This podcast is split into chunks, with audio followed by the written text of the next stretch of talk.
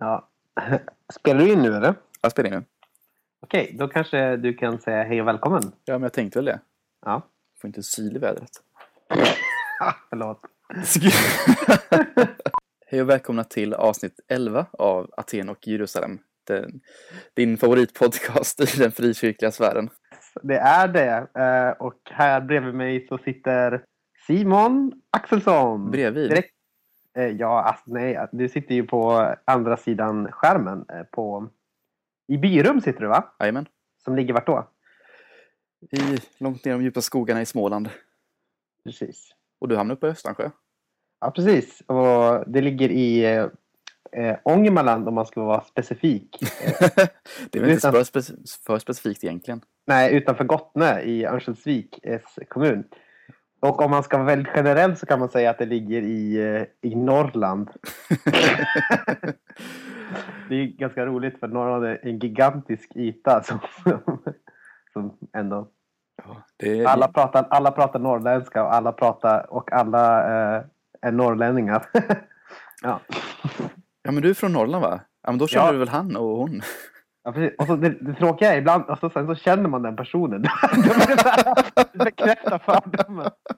Och jag känner en person i Norrland, heter Kurt-Göran. Ja, det är min granne. Ah, Ja. Granne, bor, bor nio mil ifrån dig. ja, precis. För allting är så långt här borta från varandra. Ja. Eh, I alla Yes. fall. Eh, Men eh, vad har vi gjort till den här månaden då? Ja, idag, eh, eller den här månaden har vi pratat med Anna Enberg faktiskt. Mm. Eh, med reservation för att jag la uttalet fel där. Men eh, i alla fall. Eh, Anna hon är ju eh, arkeolog, teolog och pastor i Ljungsbro. Och det är ju en väldigt spännande kombination, tycker jag i alla fall. Eller hur? På vilket sätt är det spännande? Ja, men alltså att vara både... Nej, men jag tycker att det är en rolig blandning så här, att man har sådana tre... Ja, nej förlåt, jag missförstod det. Jag tänkte på att det var en kul kombination med att just det med att bo i Ljungsbro. Jag vet inte. Förlåt. Bo i Ljungsbro vara pastor. Nej, det är jag missuppfattade det helt. Nej, jag vet inte. Men i alla fall. Eh, att vara pastor, arkeolog och teolog tänkte jag på är en spännande kombination. Ja, men det har du verkligen rätt i. Ja. Jag missförstod det som sagt. Ja, precis. Vad ska vi prata om idag? Kommer du ihåg det? Ja, det var ju några dagar sedan vi spelade in det. Ja. Vi har pratat om slaverimetaforer och om eh, kejsaren och Jesus. Oj, spännande. Ja, jag tyckte det blev det. Ja, absolut. Så det här är jag kommer nog vara ett, eh, ett avsnitt som är lite annorlunda för det är lite mer eh, exegetiskt, alltså att det handlar lite mer om, om specifika bibelpassager och att lägga ut dem kanske man kan säga. Mm. Eh, så det är kul. Men innan vi eh, går in på det ska vi gå in på vårt eh, relativt nya inslag fortfarande. Eh, Månadens mönster. Allting är relativt nytt, vi har bara tio avsnitt. I och för sig- Eh. Månadens mönster. Eh, och det är då eh, ett, ett segment där vi eh, olika sätt klagar på någonting. Eh. Det kan man väl säga en rättvis sammanfattning. Det är väl vad det är. Ja. Eh, och det kan man, man, man kan googla på Münster och till exempel Münster plus Anna Baptist. Då får man se vad, som, är- vad det är som händer där. Eh, så då kan man kanske, jag vet inte. Då kan man lägga ihop trådarna själv hur man vill. Eh, så. Simon, vad, vad har du eh, för någonting du vill eh, eh, anklaga eller eh, må dåligt över den här månaden? det låter som en osund punkt på programmet egentligen på förhand. Men det jag tänkt på, eller det jag snappade upp, jag, torp, jag torpade. Jag, jo, jag jobbade en hel del under, under torpkonferensen nu när det var Mm. i, i juni. Och, eh, och då när jag jobbar så har man ju, ja, man hinner inte träffa så mycket folk då, men jag får istället förmånen att, att höra andras samtal när jag går runt där och gör det jag ska. Mm. Och då, eh, och då gick förbi och hörde en kvinna prata om att eh, det hade att det hade satt sig en man med en pappmugg utanför ingången till torgkonferensen. En, en tiggare helt enkelt. Och hade frågat sig väldigt oroligt bara, vet, vet, någon, vet du ifall det är på riktigt eller? Jag tycker, ja, jag tycker det är obehagligt. Jag känner lite obehagligt att han sitter där. Och, Mm.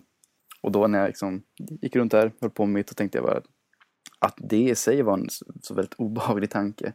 Mm. Och att det är en tanke som ska dyka upp på en, på en, eh, på en konferens som Torpkonferensen. Mm. liksom, plot twist. Det var, det var Jesus, som- Jesus som satt där med en pappmugg. Mm. Det var, nej, det var... Jag hajade till på det.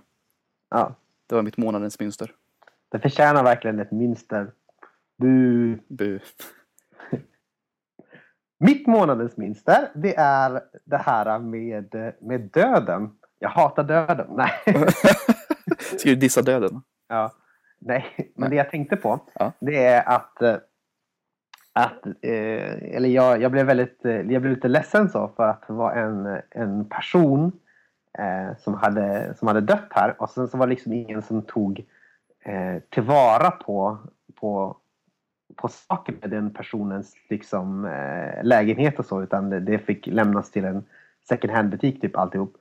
Och så fanns det typ massor med, eh, det fanns en vigselring och det fanns en här typ liten bok där det stod mina första år där, det, där eh, den här personens föräldrar hade skrivit ner så här jättefint och så här omsorgsfullt om, om det som hade för, hänt de första åren på den här lite äldre personens liv. Så det var en ganska så, eh, ganska så, eh, lite så här fint på något sätt och ett Mm. fint minne. Det var ingen som hade tagit tillvara på någonting av det här utan liksom det hade lämnats så.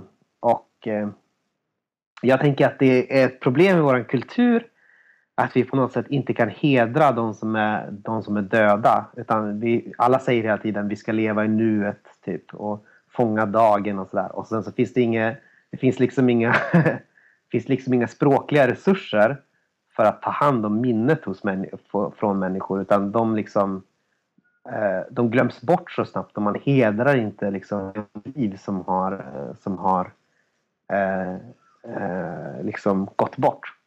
Och där har jag faktiskt en liten positiv sak som jag tänker att eh, där tänker jag att parentation eh, det, det är liksom i, i, i, i kyrkor när vi typ berättar, i alla fall i frikyrkor är det så att vi berättar typ en liten eh, berättelse om en persons liv och typ och alla står upp och sen så sjunger man eh, en psalm och eh, typ ber en bön för den här personen.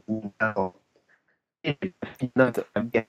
du, du, du försvann lite. Du, Ja. Fortsätt efter att man, man ber en bön och sjunger för, ja, om personens minne. vi, vi, man ber en bön eh, över den här personens minne och man eh, alltså man, man, eh, man sjunger kanske en psalm och sådär.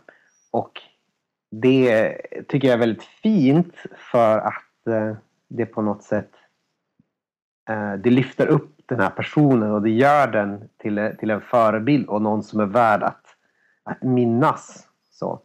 Och där tror jag att vi, i, eh, där tror jag att vi har i, i kyrkorna en, en resurs som, som stora delar av, av samhället skulle kunna behöva. Liksom, ett sånt, en sån möjlighet att, att komma ihåg de döda och hedra de, de döda. Eh, på något sätt. Så det min, min diss är att vi inte har liksom, kulturell vi har inte den kulturella kapaciteten att, att, eh, eh, att hedra och komma ihåg de döda längre.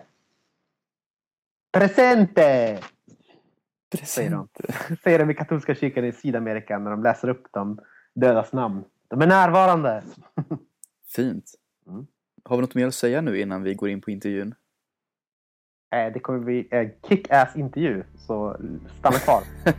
Häng med. Okej, Anna Enberg.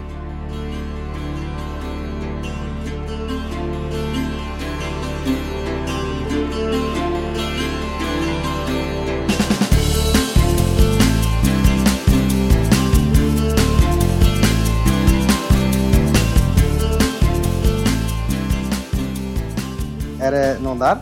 Ja, hallå? Hej! Nu Hej! Åh, jag- det är så hemskt det här. Förlåt. Nej, det är ingen fara. Vad fint. Åh, Ja. Men nu tror jag att det är igång. Det spelar in och vi alla tre hör varandra antar jag. Eh, Ja. Får se här, var är vi någonstans? eh, Sverige. Okej, gott så. Ja, men då är jag nöjd. ja, jag vet inte vad ni är, men jag är i, ja, Ja. ute på landet. Ljungsbro. För Ljungsbro.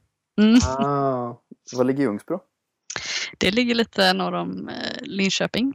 Eller kanske inte riktigt norr, men ja, Ja, utanför ja. Linköping. Mm. Jo, jo, men där ja. Visst är det, finns Cloetta-fabriken där också? Eh, ja, det stämmer. Mm. Det är det alla vet. Ledsamt. ja. Och ja, jag sitter också ute på, ute på landet i, eh, ja, i Småland. Och du sitter uppe i Östansjö? Nästan skö. Jag sitter väl mest eh, lantligt till kanske, hoppas jag.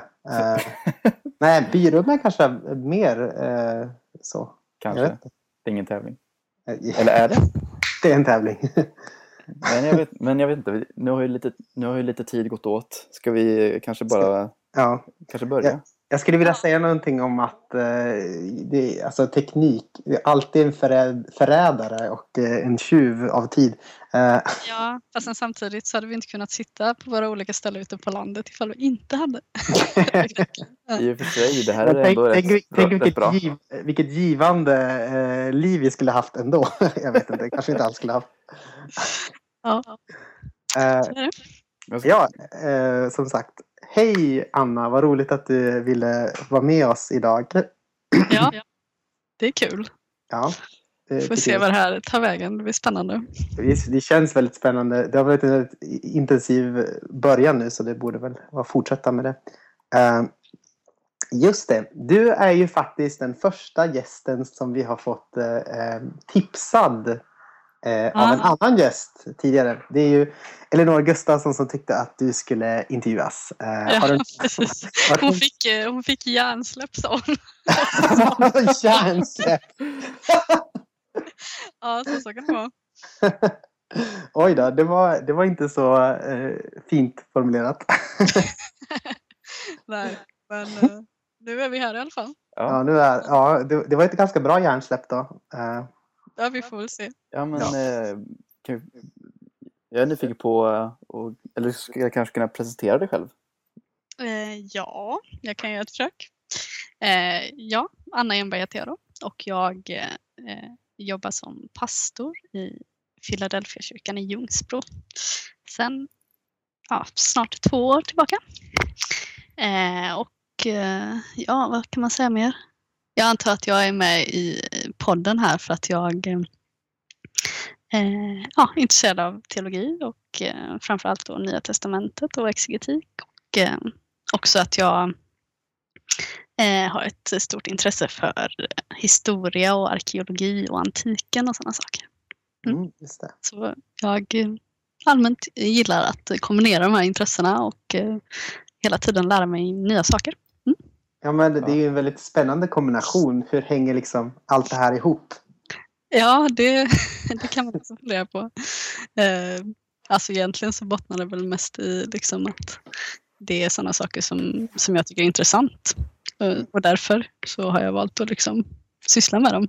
Men sen finns det ju många kopplingar också såklart mellan eh, ja, just det teologiska intresset och det historiska intresset. Så.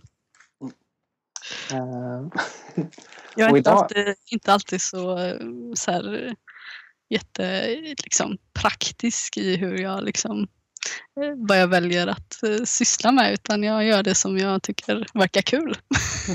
ja, typ så. det, det låter väl härligt och, och, och friskt på något sätt. Ja, det Ja. är bra. Det skulle, vara, det skulle vara sorgligare om, du hade, om det var någon sån här historia att ja, jag kände mig tvingad redan från barnsben för att bli arkeolog och så. så Det hade varit jobbigt. pressen från föräldrar och så. Du ska bli arkeolog. Ja, det hade varit spännande. Nej, Ja. men så är det inte. Just det. Väldigt lustdriven eh, approach till eh, det här med Ja. intressena. Ja. Det får man säga. Mm. Eh, idag så ska vi ju prata om slaverimetaforer bland annat. Eh, så Ja. Det känns spännande. Och jag tänkte att vi kanske skulle läsa ett bibelord tillsammans. Eh, och det är från Romarbrevet eh, 6. Och, Ja, eh, verserna 15. Eh, ska jag läsa det eller vill Simon? ja, men gör. Ja. Gör Simon har en bra, har Ja, en bra gör- röst annars. Ja, men gör det, du känns redo. Jag har inte det framför mig här. Okej, då läser jag. Mm. Hur är det då? Ska vi synda eftersom vi inte står under lagen utan under nåden? Naturligtvis inte. Ni vet ju, om ni gör er till slavar under någon och lyder honom, då är ni slavar under den ni lyder. Antingen under synden, vilket för till döden, eller under den lydnad som för till rättfärdighet. Men Gud var det tack. Ni var slavar under synden, men valde att av hela ert hjärta lyda den lära ni har blivit införda i. Och när ni då gjordes fria från synden blev ni slavar under rättfärdigheten. Jag väljer en mänsklig bild med tanke på er mänskliga otillräcklighet. Till liksom ni gjorde era lemmar till slavar åt orenhet, orenheten och laglösheten och blev laglösa, skall nu göra dem till slavar åt rättfärdigheten och bli heliga. När ni var slavar under synden stod ni fria gentemot rättfärdigheten. Vad gav det för frukt? Sådan som ni nu känner skam över, därför att det till slut leder till döden. Nu, eh, nu däremot, när ni blivit fria från synden men är slavar under Gud, blir frukten ni skördar helighet och till slut evigt liv. Syndens lön är döden, men Guds gåva är evigt liv i Kristus Jesus, vår Herre. Ja. Så. Och du har ju skrivit en, eh, en masteruppsats om det här eh, bibelordet framför allt. Ja, precis. Ja. I höstas, eller en magisteruppsats är det om man ska vara petig. Mm. Ah, ja, men det är bra. Vi ska vara, vi ska vara petiga. Det ska Ja. Eh, Mm. vi vill inte fara med osanning så eh, eh, tycker jag är dumt. Och, och där så i den här magisteruppsatsen då så skriver de hur och eh, varför Paulus använder en slavmetafor för att beskriva de troendes relation till Gud. Det stämmer Ja. i alla fall. Ja. Det stämmer absolut.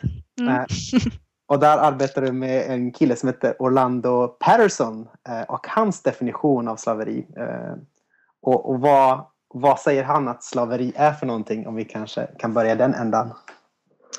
Ja, men han är ju då en sociolog som, som skrev en eh, känd bok om eh, ja, just slaveri.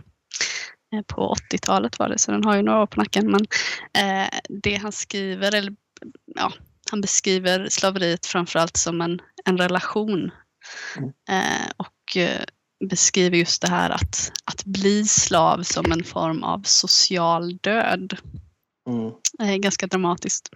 Eh, men just utifrån det här att när man då blir slav så, ehm, eh, så lämnar man bakom sig alla de här andra sociala relationerna och i sin identitet i förhållande till familjen och så här. Och så ja, på något sätt blir det liksom att man får en, en ny identitet eh, i förhållande till sin slavägare. Liksom. Och eh, att det blir ett väldigt tydligt break eh, ja, med livet före till livet efter.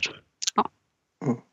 Eh, och utifrån det så, eh, ja, så är han ju en ganska intressant, det är en intressant teori i förhållande till Romarbrevet 6 som först beskriver då dopet som att dö och uppstå med Kristus. Eh, som är ju en väldigt drastisk beskrivning om vad, vad omvändelsen är egentligen. Eh, det är mest drastiska man kan tänka sig. Eh, det här att dö en fysisk död och sen så använder han sig också av då den här slaverimetaforen som kan vara eh, en slags eh, social död. Just det. Eh, Så det var lite därför eh, det just intresset för hans teori väcktes lite så. Eh, Ja, så kan man väl säga. Och, och han beskriver också slaveri som en sorts ersättning för döden. Eller vad man ska säga.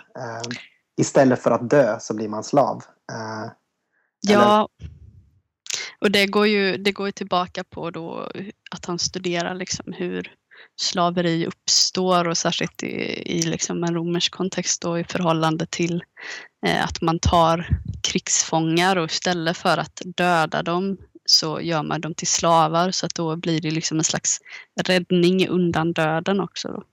Mm.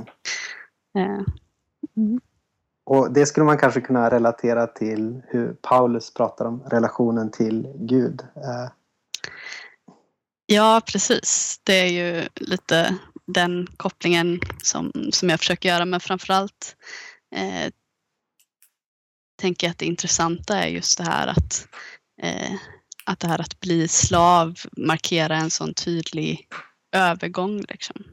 Mm. Eh, om man då tänker sig att Romarbrevet 6 talar liksom om en omvändelse som har ägt rum.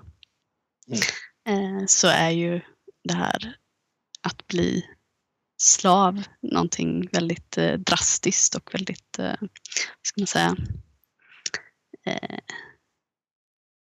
ja, alltså det är ju en, något eh, bestående på något sätt. I, eh, Eh, begripligt. ja, men eh, det tycker jag väl. Eller vad tycker du Simon? Ja, ja, jag är med. Ja, vad bra. Du, du har också med en liten charmig eh, historia om en person som blir en åsna. Eh, Ja, just det. kan, kan, det belys, kan den historien på något sätt sätta, sättas i relation till eh, det Paulus skriver i, här i Romarbrevet eh, 6? Ja, alltså den är ju den är speciell kan man säga. eh, och eh, den kommer egentligen in i ett eh, litet annat sammanhang för att eh, Eh, dels så, så skriver jag om slaverimetaforen i, i min uppsats men jag skriver också om eh, en annan eh, ska man säga, ojämlik relation i antiken som är en mm, man brukar kalla för patronus-klient-relation. Eh, och eh, så använder mig av en eh, eh, kanadensisk teolog som eh, Eh, just menar att omvändelse i antiken ofta beskrivs i de termerna. Eh, och eh, delvis så refererar han till den här berättelsen men det som är eh, speciellt med den berättelsen det var faktiskt eh, när jag läste arkeologi i Lund så fick vi läsa den här historien som är en slags eh, romersk liksom lite så här, populärkulturell roman kan man väl säga. Eh, väldigt underhållande. Ja, lite så. Eh, och eh, det handlar ju då om en person som ja, han håller på att experimentera med lite så här häxkonster eller någonting. Jag kommer inte riktigt ihåg hur det går till. Men han blir en, en åsna i alla fall. Eh, och eh, så kommer han råka ut för massa grejer och sådär. Och han, när han är en åsna så beskrivs hans liv typiskt liksom som, en, som en slav. Han blir utnyttjad på olika sätt. Så eh, och sen i slutet av den här eh, historien så eh, möter han gudinnan Isis eh, och blir då friad eller han blir liksom förvandlad igen till en människa. Eh, och det är någon slags omvändelse slash frälsningsupplevelse där. Eh, och då eh, beskrivs det också som att liksom hans fortsatta liv blir någon slags eh, eh, slavtjänst till den här gudinnan. Mm. Eh, ja. Jag vet inte om man ska göra för mycket av liksom just den kopplingen. Jag tror inte att det är så här just att, att Paulus liksom på något sätt eh, skulle kanske känna till den här berättelsen. Eller Paulus älskade den berättelsen. Dag och natt. ja, säkert. Nej, men eh, utan det, det är väl mer liksom utifrån det här att, att beskriva hur man kunde eh, uppfatta eller förstå omvändelse i antiken. Eh, som den kan vara intressant. Och då Eh, blir han ju räddad från den här sociala döden då av eh, Isis. Eh, kan man uppfatta det så, typ? Eh, ja, eh, inte direkt kanske, utan mer så här att eh, ehm,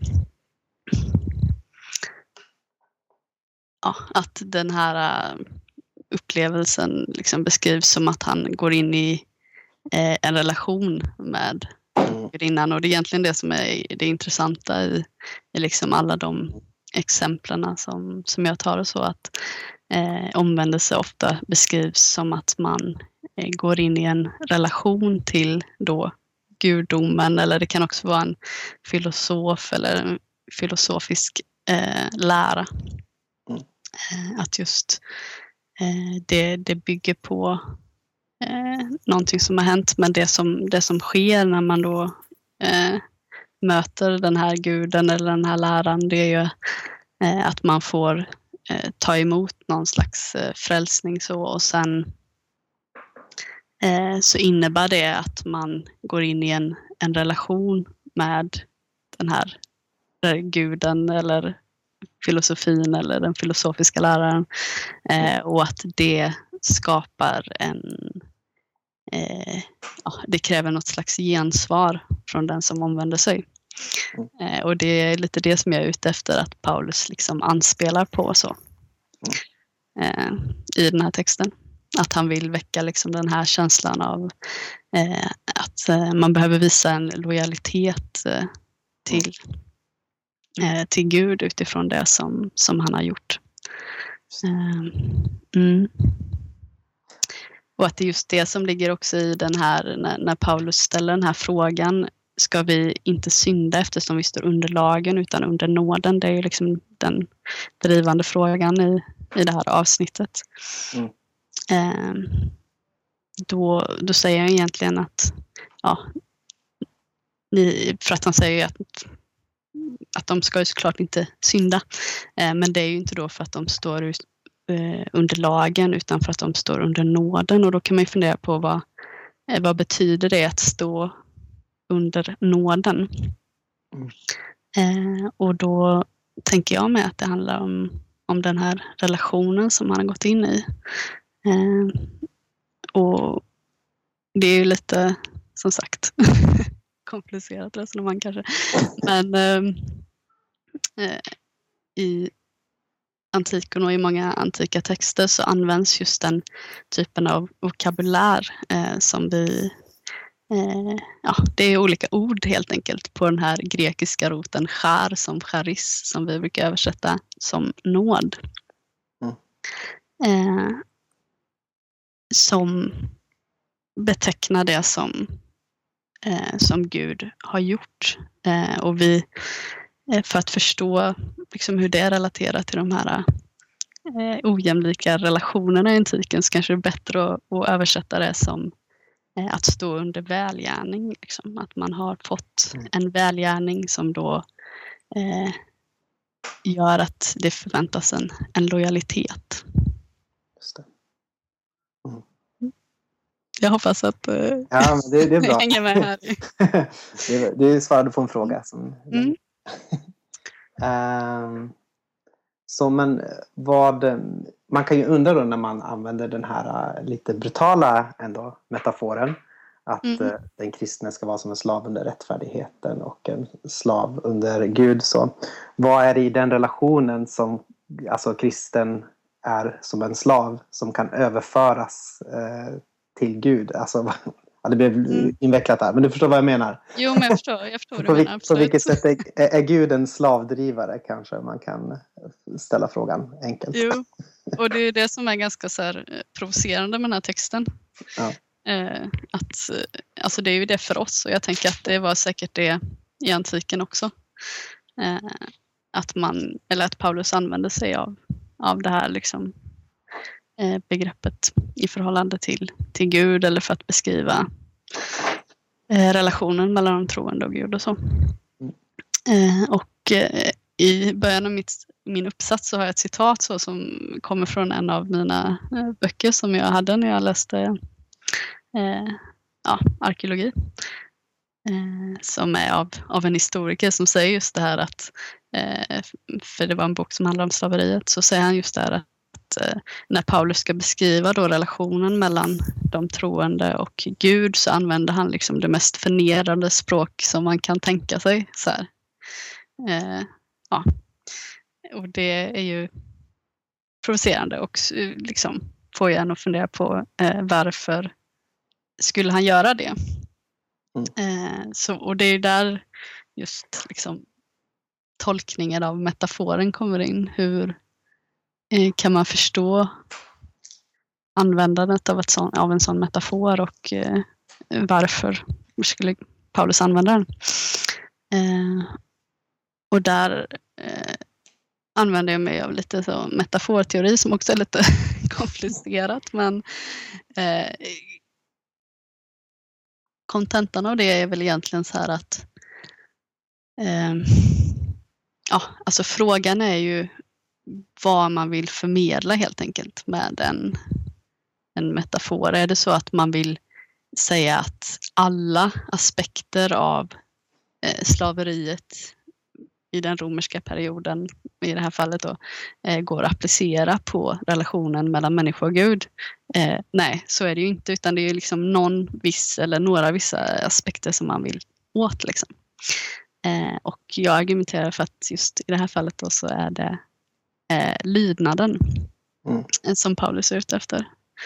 Eh, inte att eh, han vill säga att Gud är då en ond slavdrivare eller något sånt, utan eh, det han är ute efter är eh, lydnaden eh, som, eh, som ligger i den här relationen. Eh, ja, och den går ju att applicera då både på relationen till Gud och också till eh, ja, när metaforen används på det andra hållet, eh, relationen till, till synden. Just det. Mm. Och det, fick mig, jag- det fick mig lite grann att tänka på eh, tredje Mosebok, eh, helighetslagarna där. Eh, faktiskt. Mm. Eh, där står det ju i eh, 20, tredje Mosebok 25, 55 att eh, Israeliterna är mina slavar och tillhör mig. De är mina slavar som jag har fört ut ur Egypten. Jag är Herren er Gud. Och så sen så står det lite längre ner i, eh, i eh, kapitel 26 och vers 13. Eh, jag är Herren er Gud som förde er ut ur Egypten för att ni inte skulle vara slavar längre. Det var jag som bröt sönder ert ok och lät er gå med hög, högburet huvud. Och det är kanske också ett sådant exempel på att metaforen används ehm, på ett sätt eh, för att säga någonting kanske om tillhörighet eh, eller lydnad. Men sen så går den inte att applicera längre ner utan då handlar det mer om eh, att Gud är den som ger frihet. Eh, kanske kan vara lite intressant. Ja, men precis. Och det, är ju, det finns ju liksom eh, just i min uppsats här nu då så fokuserar jag ju väldigt mycket på, eller jag fokuserar snarare väldigt lite på liksom den judiska bakgrunden och så här, men den finns ju där såklart eh, bakom hela tiden och det finns ju som Tom Wright till exempel, han, han tolkar ju liksom hela Romarbrevet 6 som någon avspegling av den berättelsen, liksom av Exodus-berättelsen, att gå eh, genom vattnet liksom i dopet och sen eh, att bli befriad från slaveriet och eh, ja, sen bli Guds slavar istället. Eh, så den tanken finns ju där. Men det som, som jag tycker är, är spännande och som liksom eh, lite är min ingång i den här uppsatsen det är just att, eh, att förstå eh, ja, med kanske en sån här text liksom mer utifrån hur eh, hedningarna i Rom skulle kunna ha uppfattat den, för jag tycker det, är en intressant fråga. Mm. Eh, och eh, ja, Och- och någonstans tank- Förlåt, fortsätt. Nej, men vi kan ju ha liksom väldigt mycket som moderna föreställningar om vad omvändelse är till exempel. Eh, och det är därför jag tycker det är intressant att fundera på eh, ja, men hur uppfattade man eh, omvändelse i antiken. Eh, just eh, liksom från en judisk synvinkel kan det vara intressant eh, men det är ju på något sätt eh, ja, alltså en, en jude som så att säga omvänder sig till till den kristna tron på ett sätt byter ju inte Gud liksom, utan förstår någonting mer om hur Gud handlar och så medan eh, någon som omvänder sig kanske från en hednisk bakgrund eh, har en liten annan uppfattning om, eh, om vad det betyder. Liksom. Och jag eh, är lite ute efter att, att Paulus anspelar på sådana saker som, eh, ja, men som kunde vara begripliga liksom just för de som kom lite från eh, ja, med den mer hedniska bakgrunden. Liksom. Och din tanke är väl att de man skriver till är eh, hedniska till stor del och eh, också kanske från en sån miljö där det har varit troligt att man har varit slavar eller fortfarande är slavar. Eh, ja, men precis. Det är ju alltid det är en stor diskussion liksom, vilket romarbrevet skriver till. Men det finns vissa, eh, särskilt i den här texten, tecken på att de som han liksom specifikt riktar sig till ändå eh, ja, har den bakgrunden liksom, eftersom han beskriver deras tidiga liv som eh, att de var ogudaktiga och utan lag och så vidare. Mm. Eh, mm. En annan eh, eh, skald som man kan lyfta in eh, som en uttolkare av din text är ju Bob Dylan. Eh, Ja. sjunger, You gotta serve somebody. It might Ja. be the devil or it might be the Lord but you gotta serve somebody. Eh, man måste Det är så välja. bra att du säger det för att jag tänkte att det var mitt så här, soundtrack när jag skrev uppsatsen. Snyggt. Ja, men den är ju faktiskt eh, den är bra. För det finns ju det spåret att man måste välja den man ska slava under på något sätt i det här eh, textavsnittet. Eh, Ja, precis. Det är ju en eh, ytterligare dimension av varför ka- kanske Paulus använder det här eh, begreppet liksom för att det är så ja, det beskriver någonting som jag sa innan som är väldigt definitivt liksom och också just att han hade, har den här förståelsen på något sätt av att man ja, det finns liksom ingen neutral mark så utan antingen så är man syndens slav eller så är man Guds slav eller rättfärdighetens slav. Eh, Mm. Och att det på något sätt är olika herravälden som man ställer sig under och det är en ganska provocerande tanke i, i våran tid också tänker jag. För att vi Mm. tänker ju ofta att, att vi på något sätt eh, står på neutral mark och eh, att vi är liksom fria individer som gör våra val utifrån rationella beslut och sådär. Um, Medan Paulus verkar vara mer inne på att eh, ja, men att det faktiskt finns eh, två herravälden att välja mellan. Mm. Där Gud befriar oss till att inte känna synden men att det innebär en, en lojalitet till honom. Liksom. Och en lydnad. det finns ingen plats där man, man lider alltid någon ändå på något sätt. I Ja. slutändan. Ja. Precis. Mm. Men det som är så skönt med Bob Dylans låt, förutom att den är ju rolig, men det är just det tycker jag, att han beskriver ju massa olika situationer och personer. Det är ju det som hela verserna går ut på, att han bara räknar upp massa grejer. Mm. och personer och så. Och sen så kommer man ändå alltid tillbaka till det, liksom att ja, man måste ändå tjäna någon. Liksom. Mm. Och det finns bara två val. Eh, Anna, jag har hört att eh, Simon eh, är väldigt bra på att imitera Bob Dylan. Åh nej. Ska- Det här är kul. jag, Ja, jag tycker vi ska uppmuntra honom till det. jag vet inte, Ja. jag tror... Osäker på för det här är rätt tid och plats. Jo, you gotta serve somebody, kör. Oh, Okej, jag vet inte. Men jag, det, man kan ju rätt liksom eh, dra ut att han har lite så här småpratigt eh, liksom, eh, sätt ibland. Ja. Och lite nasalt. Man, you gotta serve somebody. It might be the devil, it might be the Lord. But you gotta serve somebody.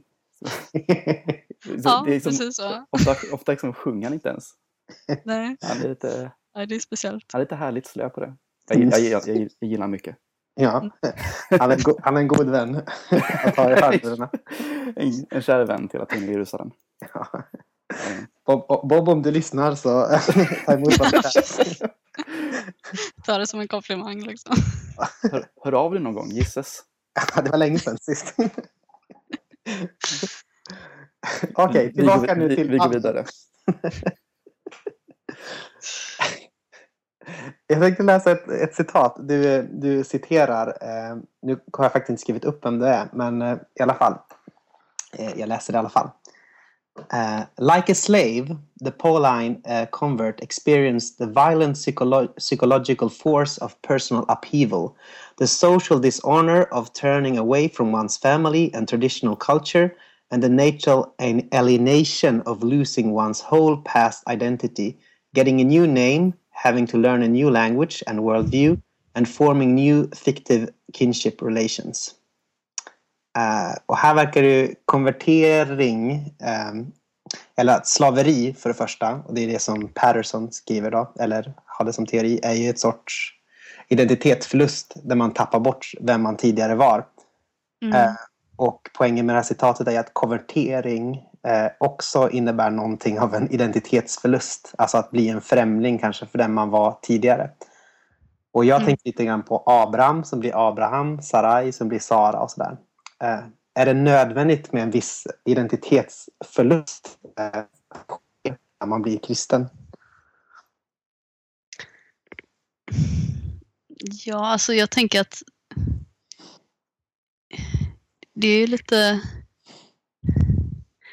lite svårt på ett sätt i liksom just eftersom vår kultur också är så individualistisk liksom. Så ja, så blir det på ett lite annorlunda sätt. För att i, i ett, liksom, utifrån en biblisk kontext och sådär så, eh, så förstås ju individen väldigt mycket utifrån också sammanhanget och, och gruppen.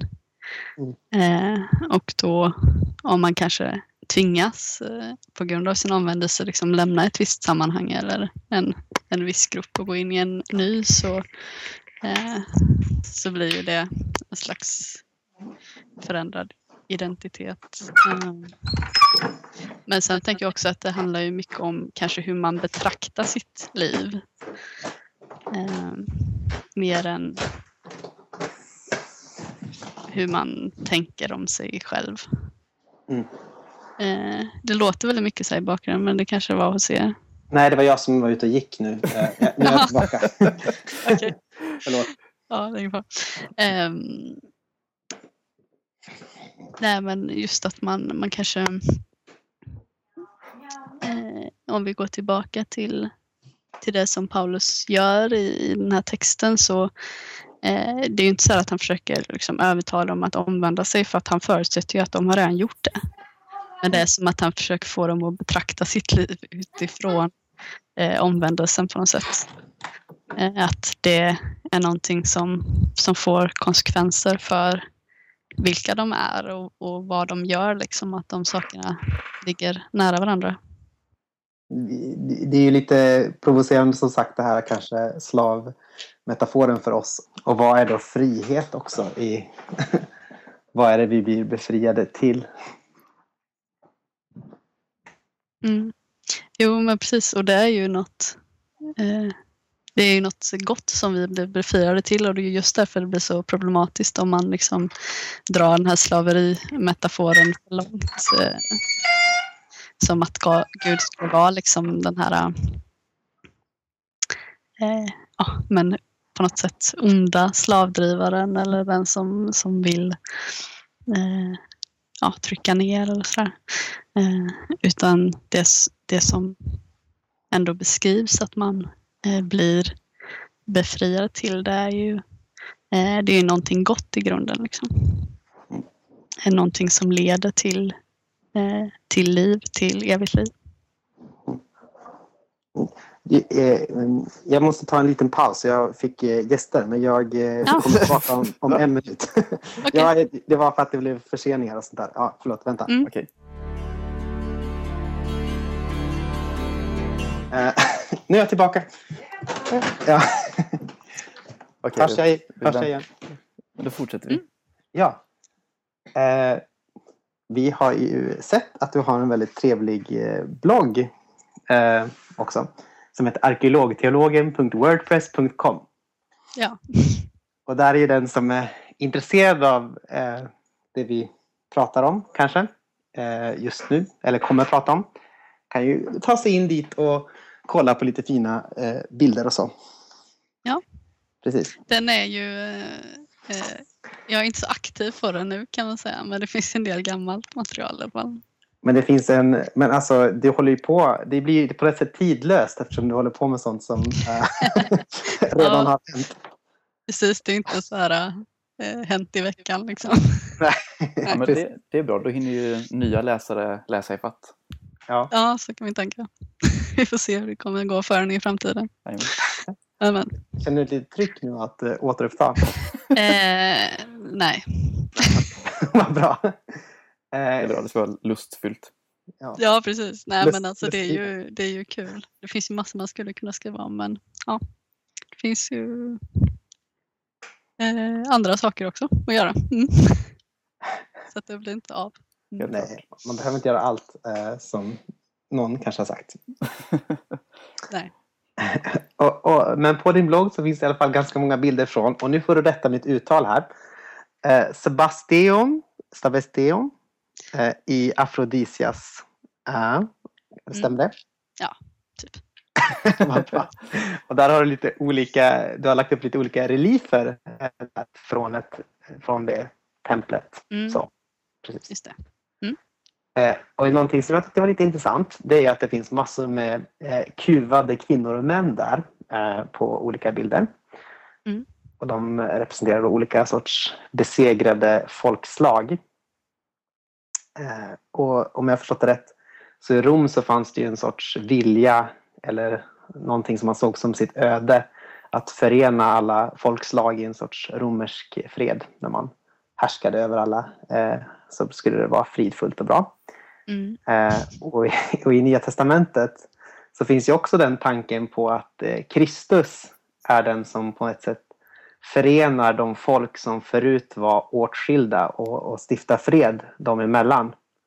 Mm. Eh, och det jag funderar på är om det finns ett sorts eh, eh, användning i breven av kanske imperiets språk där. Om, om du tror någonting, vad du tror om det. Och i så fall Ja. är det att man anpassar sig efter kulturen eller är man lite subversiv kanske?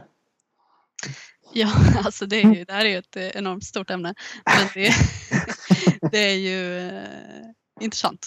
Ja. Eh, det är ju anledningen till att jag har lagt upp de där. Afrodisias det är ett, eh, en plats som ligger i, i Turkiet, i sydvästra Turkiet kan man väl säga.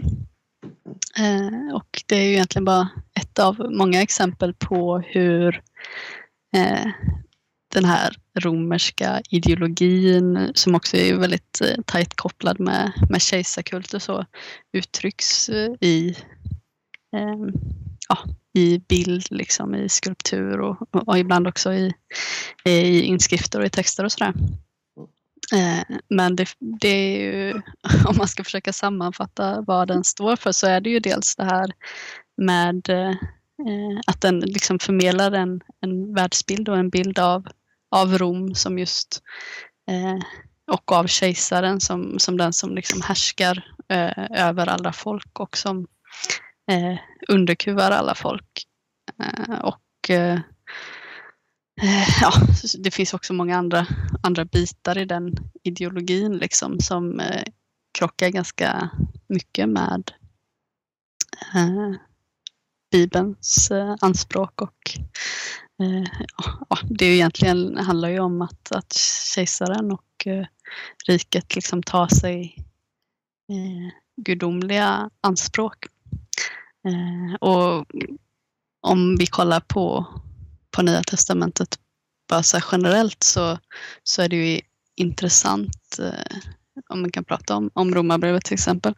Eh, där det används ord som eh, ja, Kyrios till exempel som, som betyder Herre eller när man pratar om evangeliet som, som de goda nyheterna så, eh, så blir det ju på något sätt en, en utmaning till den här världsbilden som råder i, eh, i, i samhället runt omkring. Liksom. Eh, det blir en, en utmaning till det om man läser Filipperbrevet i andra kapitlet till exempel där det står att, eh, att alla eh, folk ska bekänna Jesus eller Kristus som Herre. Eh, ja, även om man då inte uttrycker att det är istället för, för kejsaren så, eh, så är det ju liknande anspråk, absolut.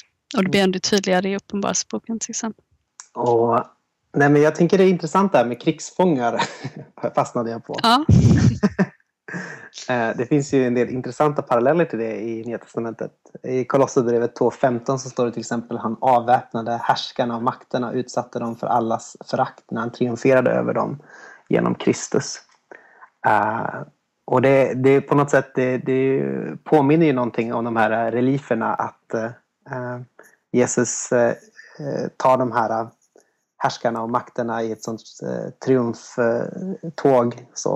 Eh, och på samma sätt, eller och kejsaren han eh, tar de här kuvade soldaterna och folkslagen i sitt tåg.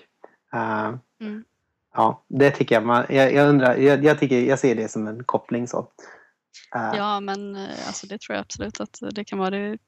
Just den här triumfen är ju också väldigt kopplad till, eh, ja, till ett sätt att uttrycka kejsarens makt. Liksom. Den här triumftågen efter krigen där man ofta ledde också de här krigsfångarna. Eh, för att visa på, på kejsaren och rikets eh, makt som inte går att sätta sig upp mot. Mm. Um. Men, men jag funderar på om man ändå kan se det i Nya Testamentet som eh, att det är en, lite kritik mot eh, kejsaren och så för att eh, de tror att man kan stifta fred typ genom att ta andra folk som, eh, som eh, att avväpna andra folk och utsätta dem för andras förakt. Men eh, Jesus är den som liksom eh, tar itu med det egentliga problemet, alltså härskarna och makterna eh, och avväpnar dem. Så. Eh, jag undrar, tror du, tror du att man kan se någon sorts kritik däremot att man inte ser det riktiga problemet eller så? Ja, du tänker så ja. ja. Alltså om, om man läser alltså Uppenbarelseboken, det är väl där det kanske blir allra tydligast liksom att den här kritiken eh, uttalas i kapitel 13 till exempel och kapitel mm. eh, 12 där liksom djävulen på något sätt eh, är ju de här liksom makterna som väldigt tydligt står bakom sen de här två odjuren som beskrivs i, i, i kapitel 13 som eh, många tolkar ju som då det första odjuret som, som romarriket och eh, det andra odjuret som, som kejsarkulten. Och där beskrivs det ju just så här att eh, ja, när det här första odjuret beskrivs så eh, beskrivs det på ett sätt som, som är väldigt likt hur romarriket beskriver sig själv. Eh, just det här att, att odjuret, man frågar sig vem är som odjuret, vem kan strida mot det? Eh, att det Rom är liksom oövervinnligt. Eh, och också att det här odjuret får då rätt att strida dels mot de heliga men också få makt över alla stammar och länder och språk och folk och så vidare. Eh, så då, då det är en tolkning som, som liksom talar om att det är faktiskt på något sätt djävulen som, som ligger bakom det här. Det är väldigt dramatiskt. Eh, men att sen beskrivs ju också då väldigt tydligt i, i Uppenbarelseboken vem det är som, som verkligen har makten eh, och vem det är som verkligen kommer regera över alla stammar och språkfolk och det är ju Kristus. Mm. mm. Eh, så absolut mm. tror jag att det, fin det, finns eh, den där kritiken där liksom. Eh, även i vissa Eh, möjligtvis av, av breven så, men det är inte lika tydligt som det blir i Uppenbarelseboken. Men kejsaren, han är ju äh, verkligen världens frälsare. På, mm. Nu är det inte jag som säger det, utan den här propagandan äh, säger ju det. Uh. Ja, men precis. Det är det grekiska ordet som vi liksom så, som används i Nya Testamentet och det som vi får ordet liksom frälsning och frälsare ifrån, det är soter och det används ju ofta Eh, just om, om de romerska kejsarna, att de är eh, eh, ja, frälsarna och räddarna helt enkelt. Mm. Så det, det finns ju flera sådana såna begrepp liksom som vi kanske då mest eh, fyller med en religiös innebörd, vilket är inte fel, men eh, som också har den här liksom politiska edgen. Man säga. Mm. Inte så, inte så konstigt att eh, man inte tyckte om kristna då kanske i Rom. Om man har en annan frälsare. Ja, nej, men det blev väl kontroversiellt med tiden i alla fall. Um, Sen eh, är det ju inte alltid så att, eh, alltså det är det som är, som är komplext också med, med kejsarkult och sådär. Vi tänker ju oss ofta kanske att det är någonting som som utgår från ett påbud från, från Rom att nu ska alla liksom tillbe kejsaren och så här, men det är inte riktigt så det funkar liksom utan eh, om man kollar till exempel på det östra medelhavsområdet och mm. eh, så, så är, ju kejsarkulten väldigt mycket mer uttalad och extremt populär i det området. Inte för att, eh, för att man har ett påbud från Rom utan för att eh, man eh, har det liksom redan innan romarna kommer i sin, eh, ja, i sin religion och i sin föreställning om världen. Liksom det här med härskarkult och sådär. Så att det, eh, det kommer ju väldigt mycket ifrån gräsrötterna på något sätt. Att man vill eh, praktisera det här och att man liksom inkluderar kejsaren i sin, sin världsbild och i sin religionsutövning. Det är ganska frivilligt men det som, som blir problematiskt då är ju att den som ställer sig utanför det här får kanske mycket säga, sociala stigman och kanske också eh, ja, förlorar både liksom anseende och kanske också möjligheten att, en social att tjäna, död. tjäna, tjäna pengar. Ja, precis. Ta, ta, ta det tillbaka. ja, precis. Ehm, mm.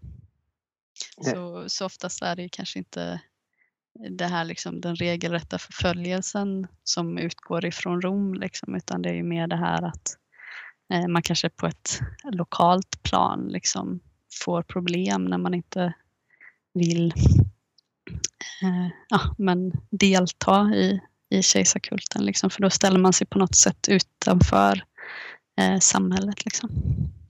Du skriver på ett annat ställe när, när staten och kyrkan kom att närma sig varandra så eh, påverkar det också hur Jesus eller, framställs i konsten.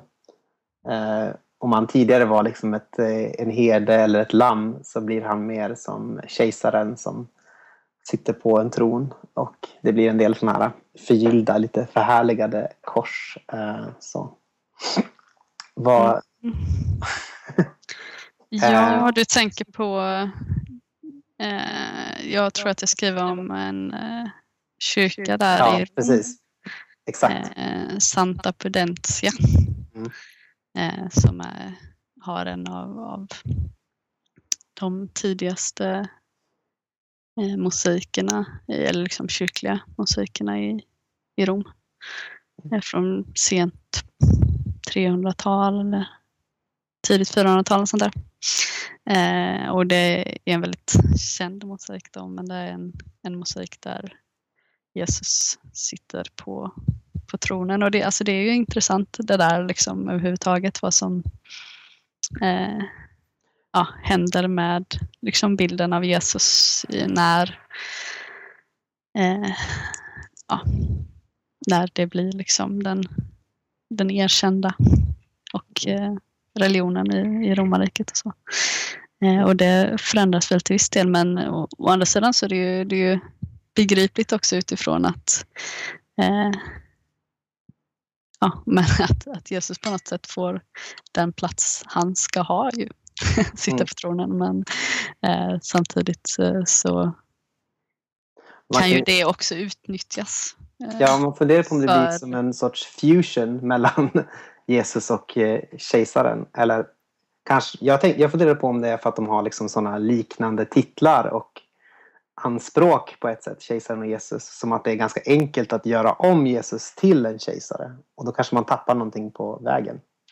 Ja, men så kan det ju vara lite. Alltså det, det som kanske är mest problematiskt eh, är ju såklart inte att jag sitter på tronen, men kanske mer om, om man kollar liksom på hur eh, ja, jag har studerat lite bysantinsk konst och sådär, hur, hur den eh, uttrycks liksom och hur, hur den fungerar i, i kyrkorummet och sådär är ju att den uttrycker en väldigt hierarkisk världsbild där Kristus sitter högst upp eh, såklart, både så fysiskt i, i kyrkorummet och så vidare, men eh, där det sen också uttrycks liksom hur de här, ja men kejsaren eller eh, andra framstående, socialt framstående personer också avbildar sig själv, kanske lite längre ner då, men ändå eh, tillsammans gärna med helgon Slightly och, eh, och biskopar och sådär. Så då, då uttrycker det också på något sätt liksom ett avstånd mellan den vanliga kyrkobesökaren och Kristus som sitter där uppe och sen så har man liksom alla de här hierarkiska nivåerna emellan sig eh, på något sätt. Och det kan ju vara lite mer problematiskt. Slightly. Mm.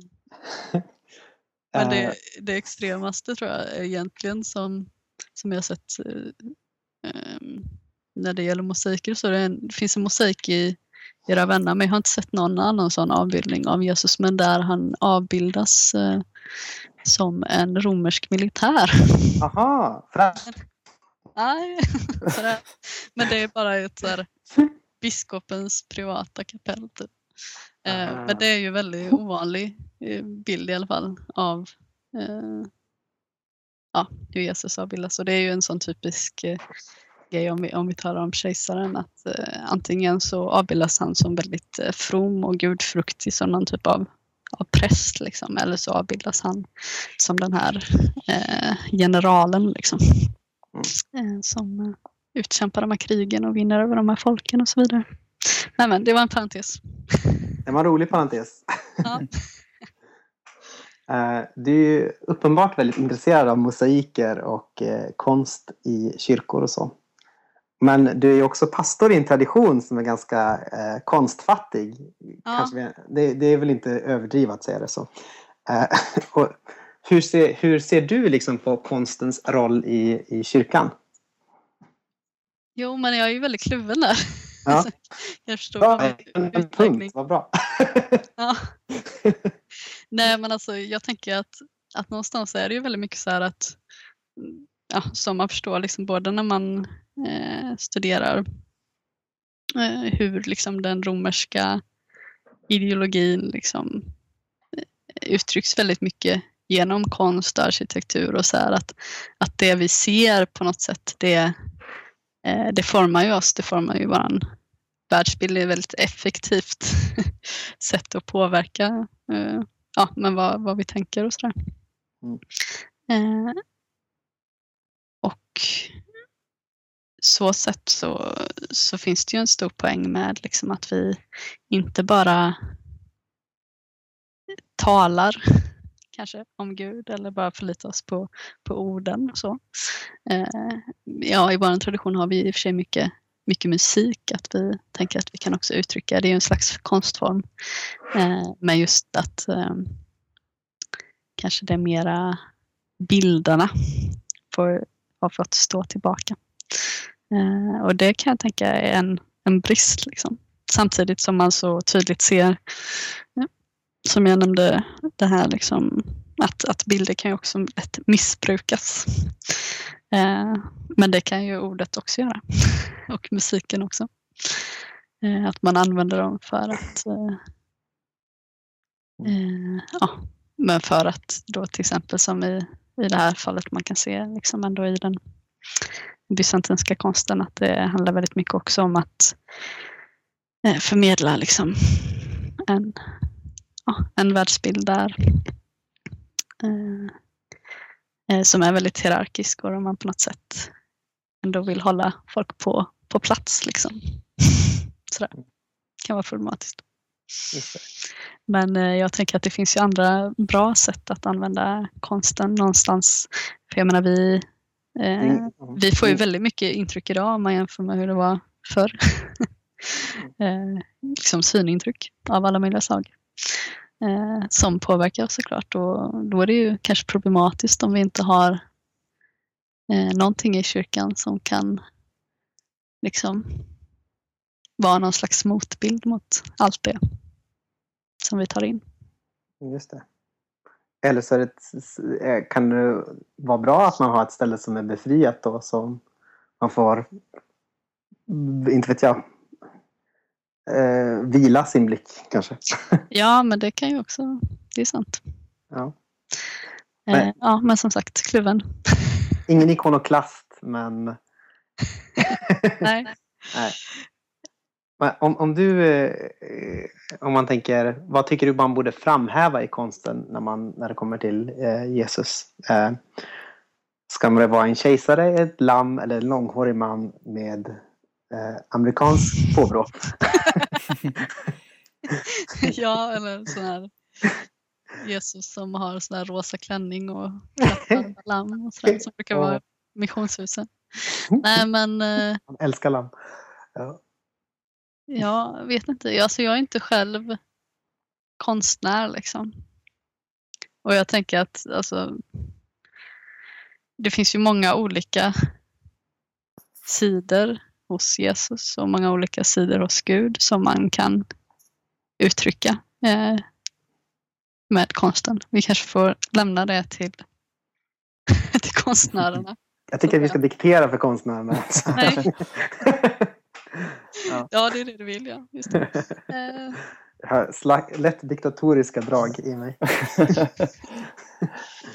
nej, men det är väl likadant som, eh, som sagt med liksom, det talade ordet. Att vi eh, behöver vara liksom, trogna evangeliet. Liksom. När vi predikar med ord och eh, det behöver vi vara i konsten också. Mm. Men kreativa. Trogna och kreativa. Mm. Är det eh, dags för... Förlåt Simon, du var på väg att säga något. Ja, nej, jag tror det är dags att börja runda av här. Ja, precis. Och det är din tur att prata. Jajamän, nu händer det. Men eh, så ja, nu kommer vi till våra eh, två avslutande frågor. Varav den första är eh, enkelt så här. Vem, vem är Jesus Kristus? Mm. den lilla, lilla frågan. Ja. Ja, eh, just det. Den lilla frågan. Ja, men eh, jag får väl svara utifrån en personlig synvinkel kanske då. Eh, och då säger jag väl att han är min herre och min frälsare. Eh, utifrån den diskussionen vi haft också. Eh, mm. Och också den som på något sätt förklarar för oss vem, vem Gud är. Och själv är han Gud. Fint, tack. Och, och till sist, eh, har du några tips på gäster till den här podden? Ja, jag visste ju att den här frågan skulle komma så jag funderade lite. Eh, och då tänkte jag så här, eftersom ni nu ändå då har haft en exeget i alla fall. Det var just det förra gången, Mikael Terberg också. Eh, då kan vi fortsätta på det spåret och så kommer jag att tänka på eh, David Willgren som är eh. GT-exeget och doktorand i Lund. Ja, Honom skulle jag tycka var väldigt intressant att höra. Det låter som en bra idé. där håller vi med. Så då säger jag. Ja. Vad fint. Men då får vi avsluta med att tacka så jättemycket för att du vill vara med och prata med oss. Det har varit eh, Ja. väldigt kul. Ja, hoppas att det gav någonting. Mm. Absolut. Tycker jag. Ja, tack. Tack. Hej. Hej hej.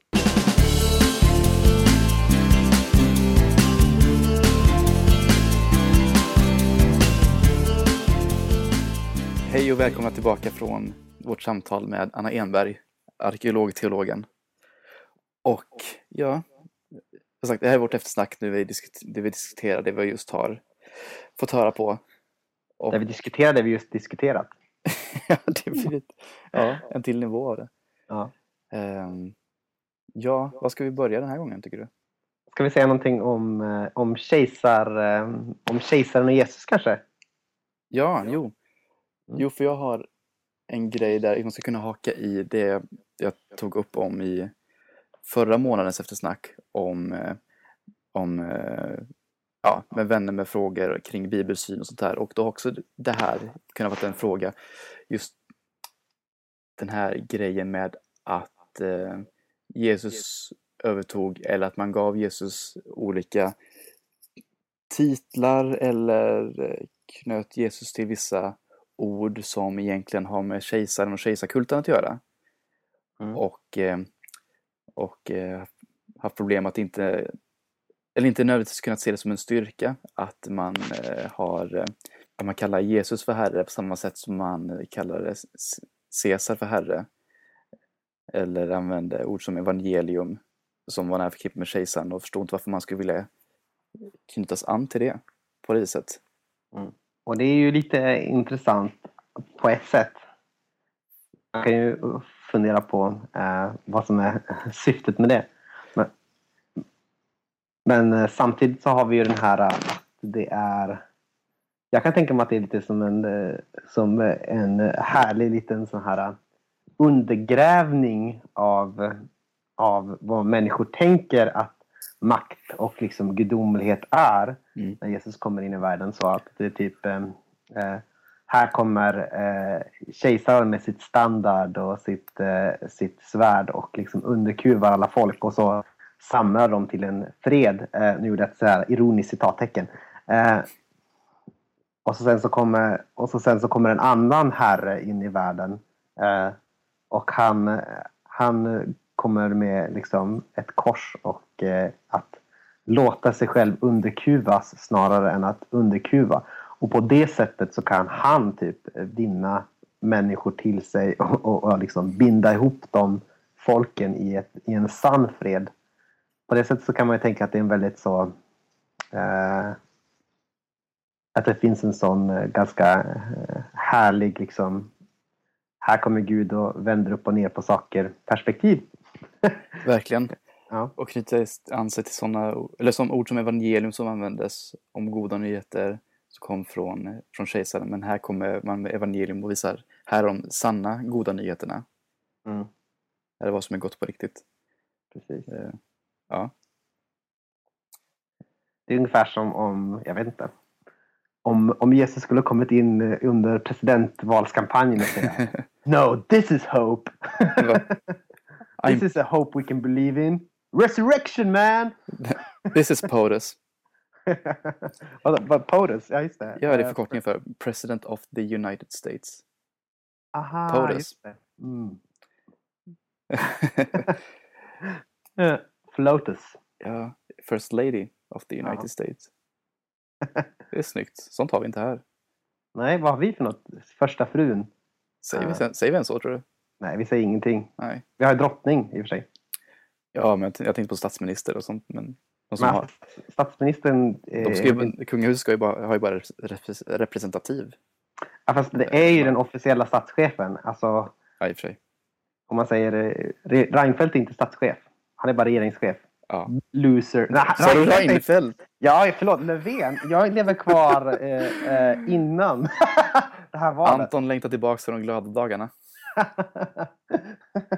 ja, Nej, nu ska jag inte fara med osanning eller klistra på någonting du inte... Och jag känner så samtidigt med alla dina påklistrade etiketter. Du Simon, vad tänker du om konst? jag, jag, jag tyckte det var en rätt så kul fråga, eller när jag- såg det formuläret här om prata om inställning till konst. Ja. Jag tänkte bara att det skulle vara rätt... Eh, liksom, vad är din inställning till konst? Att det skulle vara eh, en viss sorts människa som säger att nej, jag tycker inte om konst, förbjud all konst, avveckla konst. Ja. Nu vet jag inte här ifall det här är en, eh, är en fånig tanke på så, sätt att, på så sätt att den kanske inte går ihop. Men eh, på samma sätt som, eller jag tänkte på att på samma sätt som man kan kanske lite fnissa till eller haja till när någon säger eh, ja, det behövs ingen tolkning, det är bara att läsa som det står. Och så tänker man för sig själv, ja, men, eh, det, allt är tolkning. Det finns ingenting utan tolkning, vi tolkar alltid. Och eh, ifall det går att säga samma sak om konst, att, eh, att eh, Till och med en formlös klump. Ja, att det skulle bli att det skulle vara att allt skulle bli formlöst eller, eller anta ingenting. Men,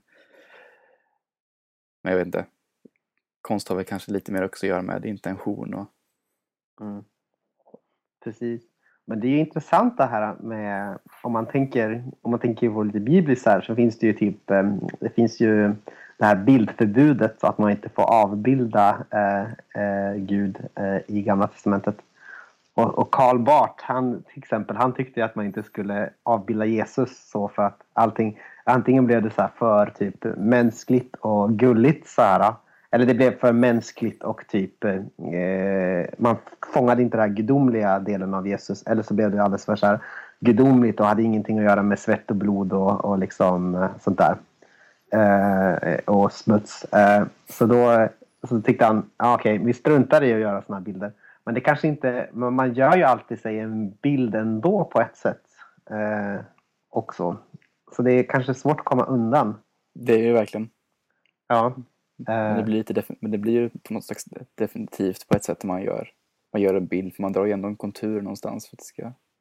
Ja, ikoner eh, till exempel, de har ju tanken att man inte försöker liksom framställa Jesus så liksom naturtroget som möjligt och utan att man försöker kanske mera, eh, man gör det efter en viss stil, en viss form och på det sättet så är det en sorts inbjudan till en annan verklighet snarare än att det är liksom definitiva avbilden. Så här ser Jesus och Gud ut, typ.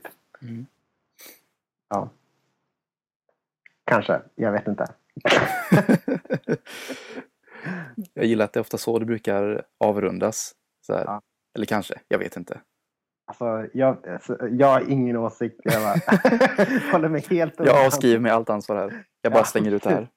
Det här, den här intervjun, den har bara, och den här intervjun och följande eftersnack och försnack, det har bara varit till för underhållningssyfte och speglar inte Aten och Jerusalems verkliga åsikter eller intentioner.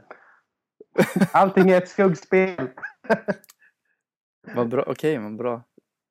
Då har vi fått med en, en disclaimer. En, en officiell disclaimer. Ja, Ska vi säga att det är bra så? Det ska vi säga. Eh, och då klämmer vi in det vanliga här om att, eh, att gå gärna in och följ oss gärna på olika ställen på nätet. Vi finns på Twitter, vi finns på Facebook. Eh, prenumerera på iTunes. Eh, kan gärna, ja, skriv gärna en recension, ranka. För det kan hjälpa liksom andra att hitta den här podden och det hjälper till den i ranking överhuvudtaget. Jag tror inte det är så många som har gjort det hittills, men eh, jag har gjort det i alla fall. Har du, har du, har du skrivit en egen recension? Jag har inte skrivit en recension, jag har bara gett den en betyg. Jag tycker det är lite konstigt, det är svårt att skriva en recension om sig själv. Ja, det var det jag tyckte var lite kul att gjort. jag tycker särskilt om Anton Jonsson och hans djupa insiktsfulla inlägg. det där var Den, och den, ironiskt. den andra mum, och den andra mumlande idioten kan du göra jag med. Ja. Nej, men okej, vi vi avbryter här. Tack så jättemycket för att ni lyssnar. Mm. Det är väldigt roligt att göra det här. Vi tycker om er väldigt mycket. Det gör vi. Ha det gott. Hej. Hej!